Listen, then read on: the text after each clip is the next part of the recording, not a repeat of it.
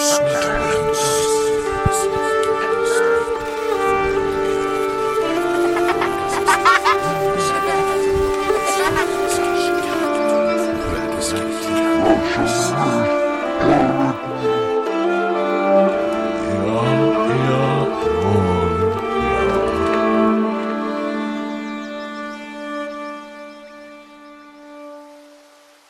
Hej och välkommen till Sömnlöspodden med mig, Joakim Wilson. September har nu kommit och det här året har verkligen gått snabbt. Vad som är något ovanligt och eh, unikt med just Sömnlöspodden är att den är inspelad i Tallinn, Estland. Detta är någonting jag naturligtvis vill ta tillvara på.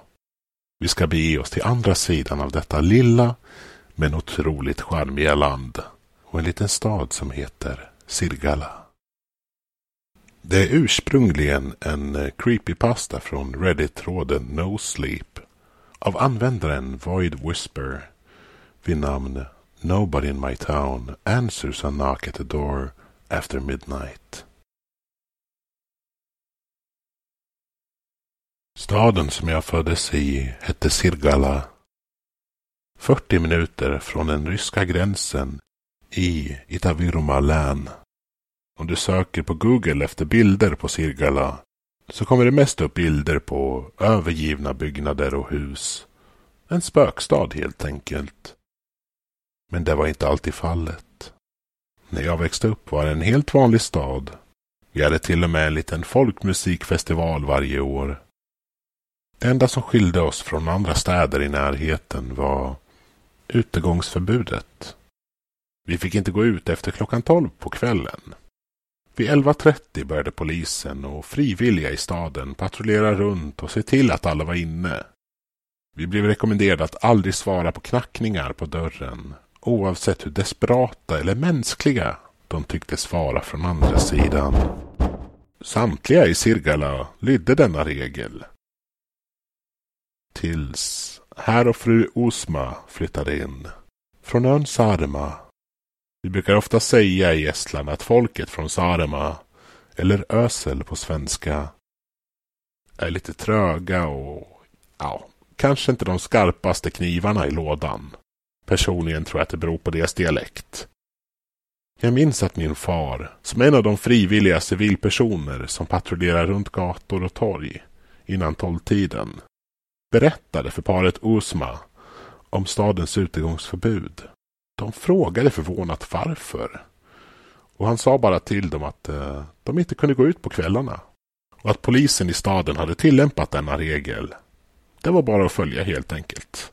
Herr Usma, vars förnamn var Raigo, ansågs vara en lovande författare och brukade sitta uppe på kvällarna framför sin skrivmaskin Frun, som hette Sirli, skulle veckan efter börja jobba som städare på en av stadens fabriker. Raigo satt uppe och skrev på sin roman. Klockan var nu 11.58. Han hade just fastnat i historien. Skulle huvudpersonen vända tillbaka till sin hemstad för att ta hand om sin sjuka mor? Eller skulle hon på sin dödsbädd Undrar varför han inte var där. En motgång som kanske behövdes i romanen. Nu när allting gick så bra. I dessa lägen gick Raigo oftast ut för att röka pipa. Några av hans mest briljanta idéer hade dykt upp när han stod under natthimlen med pipan i munnen. Visst hade de sagt att det var utegångsförbud till klockan tolv. Men den där bryske mannen hade ju inte ens förklarat varför. Och två minuter. Visst skulle han hinna med det. Raigo tog på sig träskorna som han tagit med från Sarma. De var bekväma. Bara att kasta på sig. Om man behövde gå ut och röka. Rocken låg redan på stolen. Det var lite kyligt ute. Men vinden bet inte lika hårt här. Så visst var det skönt att vara bosatt på fastlandet. Även fast han skulle föredragit att bo i en större stad som till exempel Tallinn eller Pärnu. Men Sirli hade sina föräldrar i en mindre by, en kvart från där de bodde. Med rocken och träskorna på öppnade Raigo försiktigt dörren. Det kändes som att han gjorde någonting olagligt. Det var pirrigt på något sätt. Raigo drog fram fickuret från rockens ficka. Klockan var nu 11.59. Var det så jäkla petigt egentligen? Han tände pipan, andades in den välbekanta smaken av tobak och fick plötsligt en klarhet i hur historien skulle fortsätta. Det kändes bra. Klockan hade nu blivit 12.02 och månen skymdes av mörka moln. Cirka tio minuter innan så hade min pappa just kommit hem från sitt patrullerande. Låst de tre låsen vi hade på dörren.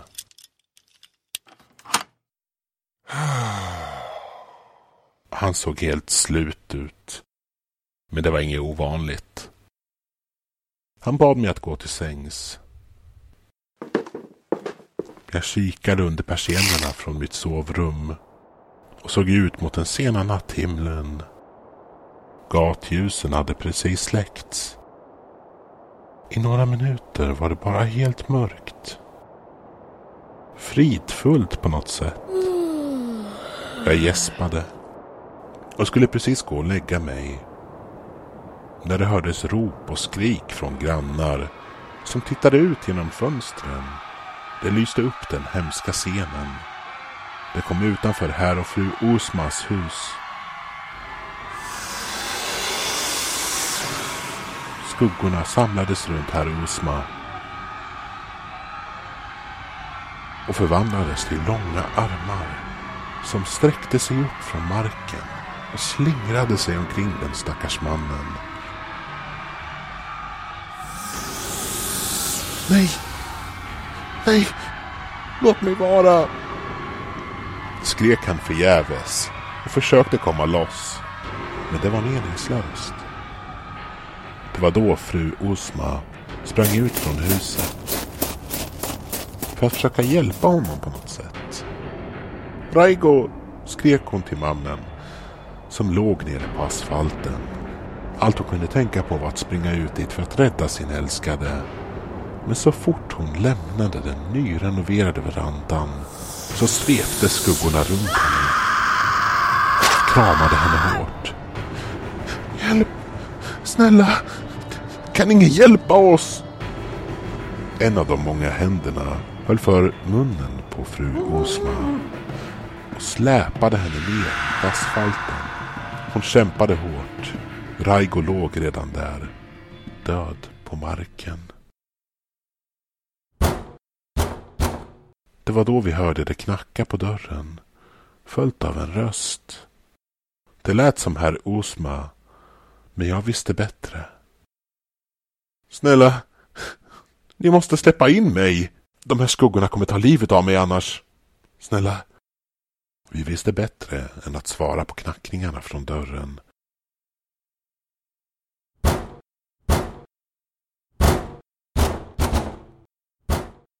När det eviga dunkandet på dörren avtog sa mina föräldrar att vi behövde gå till sängs. Det var söndag imorgon och vi skulle till kyrkan. Men det var omöjligt att somna efter vad jag just bevittnat. Jag var ju bara tretton vid den tiden och aldrig hade jag ifrågasatt stadens utegångsförbud eller lagt för mycket tankar på vad det var som knackade på dörren mitt i natten. Visst hade jag undrat en gång eller två, men min mamma hade sagt att det var ett eh, vuxenproblem och ingenting vi barn skulle behöva tänka på allt för mycket. Och jag litade på henne.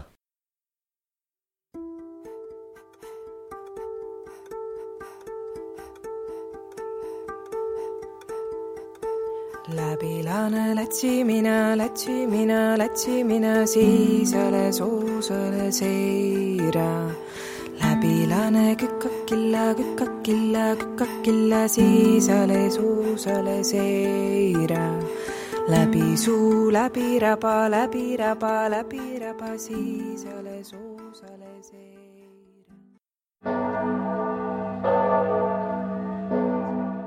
Det var en vecka efter händelsen. Under dagen hade det varit en begravningsceremoni för paret Osma. Prästen lät påminna om varför vi måste låsa våra dörrar. Att detta kunde ha hänt vem som helst. Senare den natten var det månförmörkelse.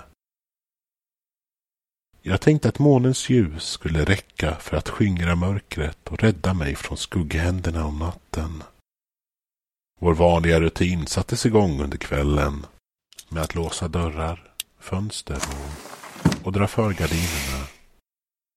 Medan vi drog gardinerna åt sidan märkte vi att en tjock dimma började komma in.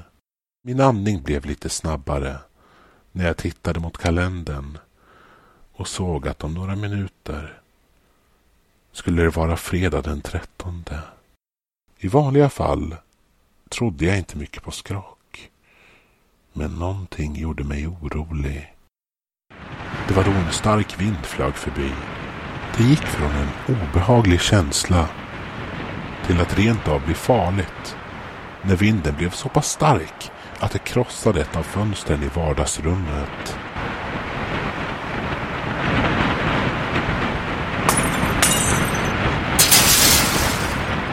Hela min familj tittade i panik mot gardinerna som var vårt sista försvar mot skuggorna som rörde sig hastigt mot vinden.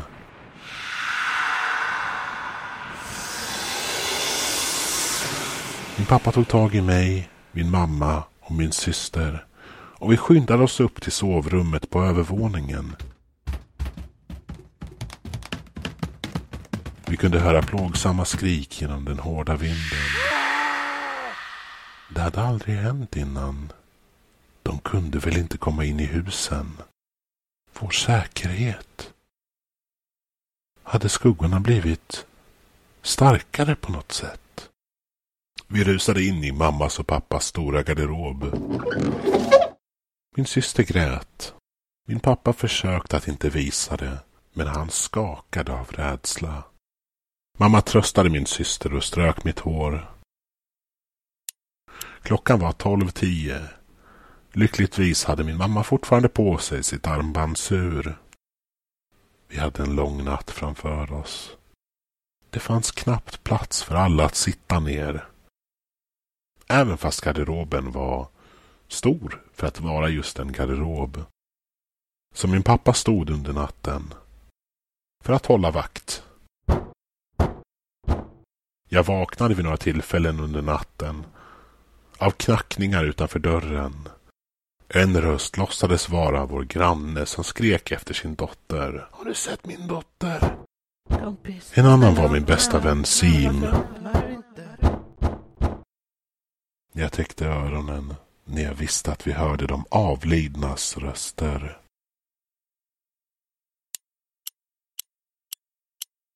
Klockan var nu nästan kvart över sex när min pappa försiktigt öppnade garderoben för att se om det var säkert.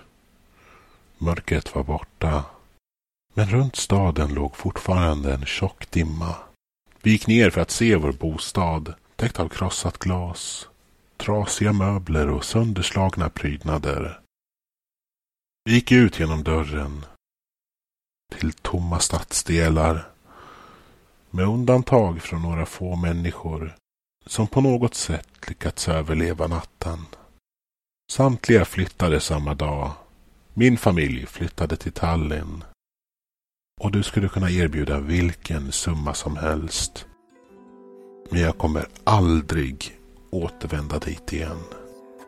Sirgala är idag en spökstad.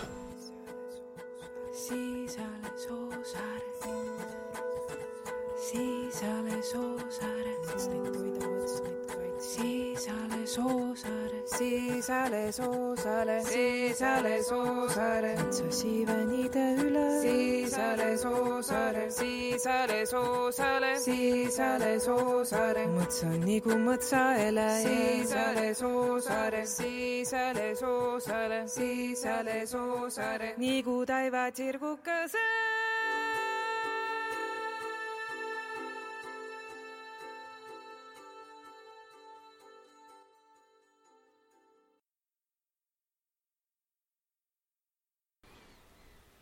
Allt jag hade att bjuda på för denna vecka.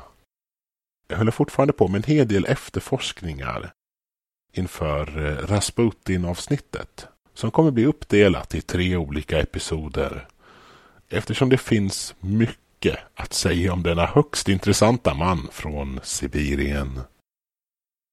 Sömlespodden är översatt, inspelad och berättad av mig, Joakim Wilson. Tack för att du lyssnat och välkommen åter.